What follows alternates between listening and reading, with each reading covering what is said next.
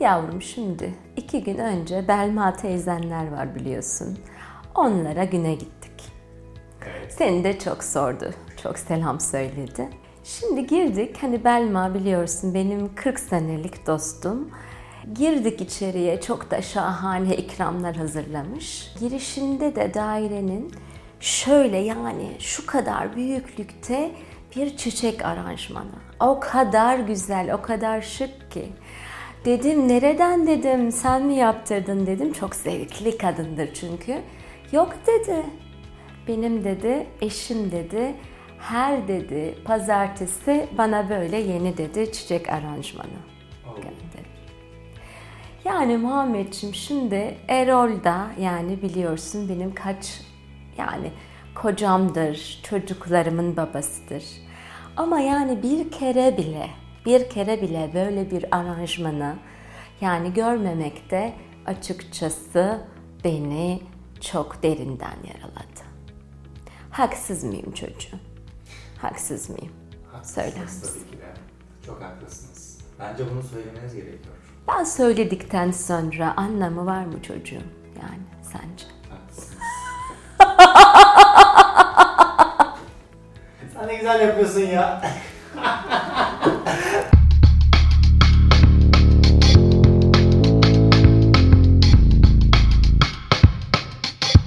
Eşinize istediğinizi nasıl yaptırırsınız video serisinin son bölümüyle karşınızdayım.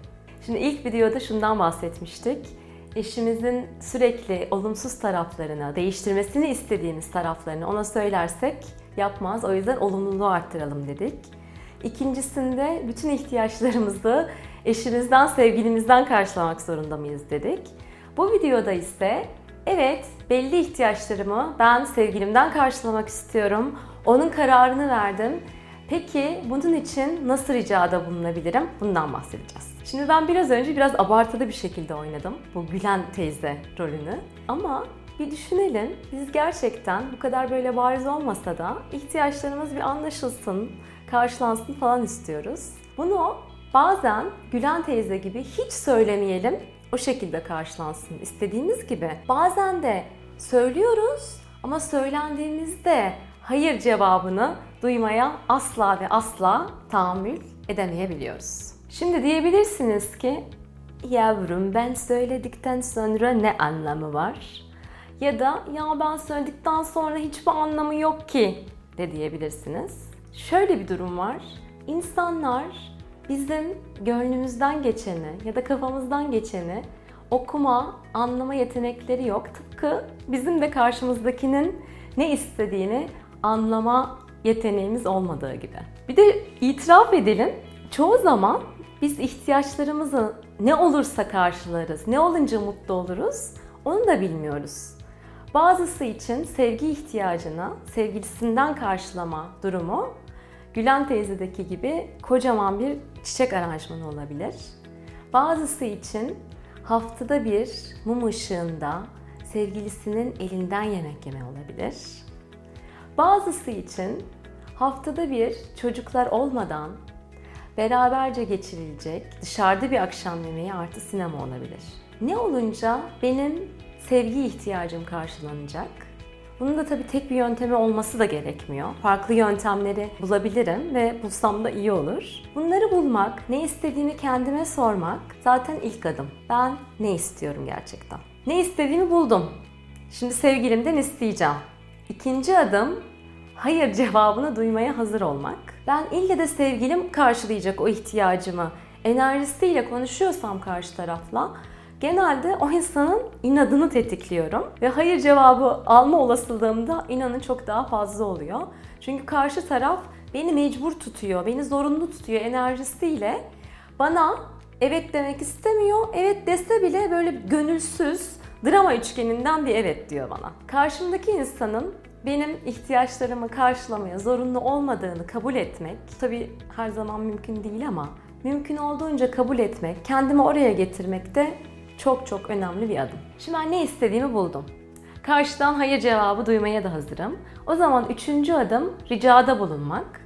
Ricada bulunmakla ilgili anahtar nokta şu. Çok çok spesifik olması lazım ricam. Ya bana sevgi göstersene bir rica değil. Bana haftada bir kocaman çiçek aranjmanı gönderebilir misin? Çok spesifik bir rica. Bu pazar seninle şöyle bir boğaza gidip yemek yiyebilir miyiz? Bu bir rica. Şu an sana iş yerindeki problemimi anlatmak istiyorum. Sessizce bana sarılarak beni dinleyebilir misin? Bu bir rica. Böyle spesifik ricalarda bulunduğumuzda karşı tarafın evet deme olasılığı da çok daha fazla çoğalıyor. Çünkü bizim ne istediğimizi anlıyorlar. Evet demeseler de orada ortak bir nokta bulmak kolaylaşıyor. Ben bu pazar seninle Boğaz'a gelemeyebilirim. Bir hafta sonra yapsak olur mu diyor mesela karşı taraf. Karşılıklı üzerinde konuşacağımız zemin belli olmuş oluyor. Bu videonun minik koşluk hediyesi de şu. Sizden sevgilinizle olan ilişkide karşılamak istediğiniz bir ihtiyacı belirlemenizi istiyorum. Sonra bunu spesifik bir ricaya çevirmenizi ve o spesifik ricayı da hayır cevabını duymaya hazır olarak sevgilinize iletmenizi rica ediyorum. Bakalım sevgiliniz bu ricaya evet mi diyecek, hayır mı diyecek, bir orta yol mu bulacaksınız hep beraber? Ama bu netlik, bunları karşılıklı konuşuyor olmanın kendisi bile ilişkinizi büyütecek, geliştirecek. Bundan emin olabilirsiniz. Bu videoyu beğendiyseniz beğen butonuna basıyorsunuz, sevdiklerinizle paylaşıyorsunuz ve video ile ilgili yorum ve düşüncelerinizi de bizimle paylaşıyorsunuz. Hepinize sevgi dolu haftalar diliyorum.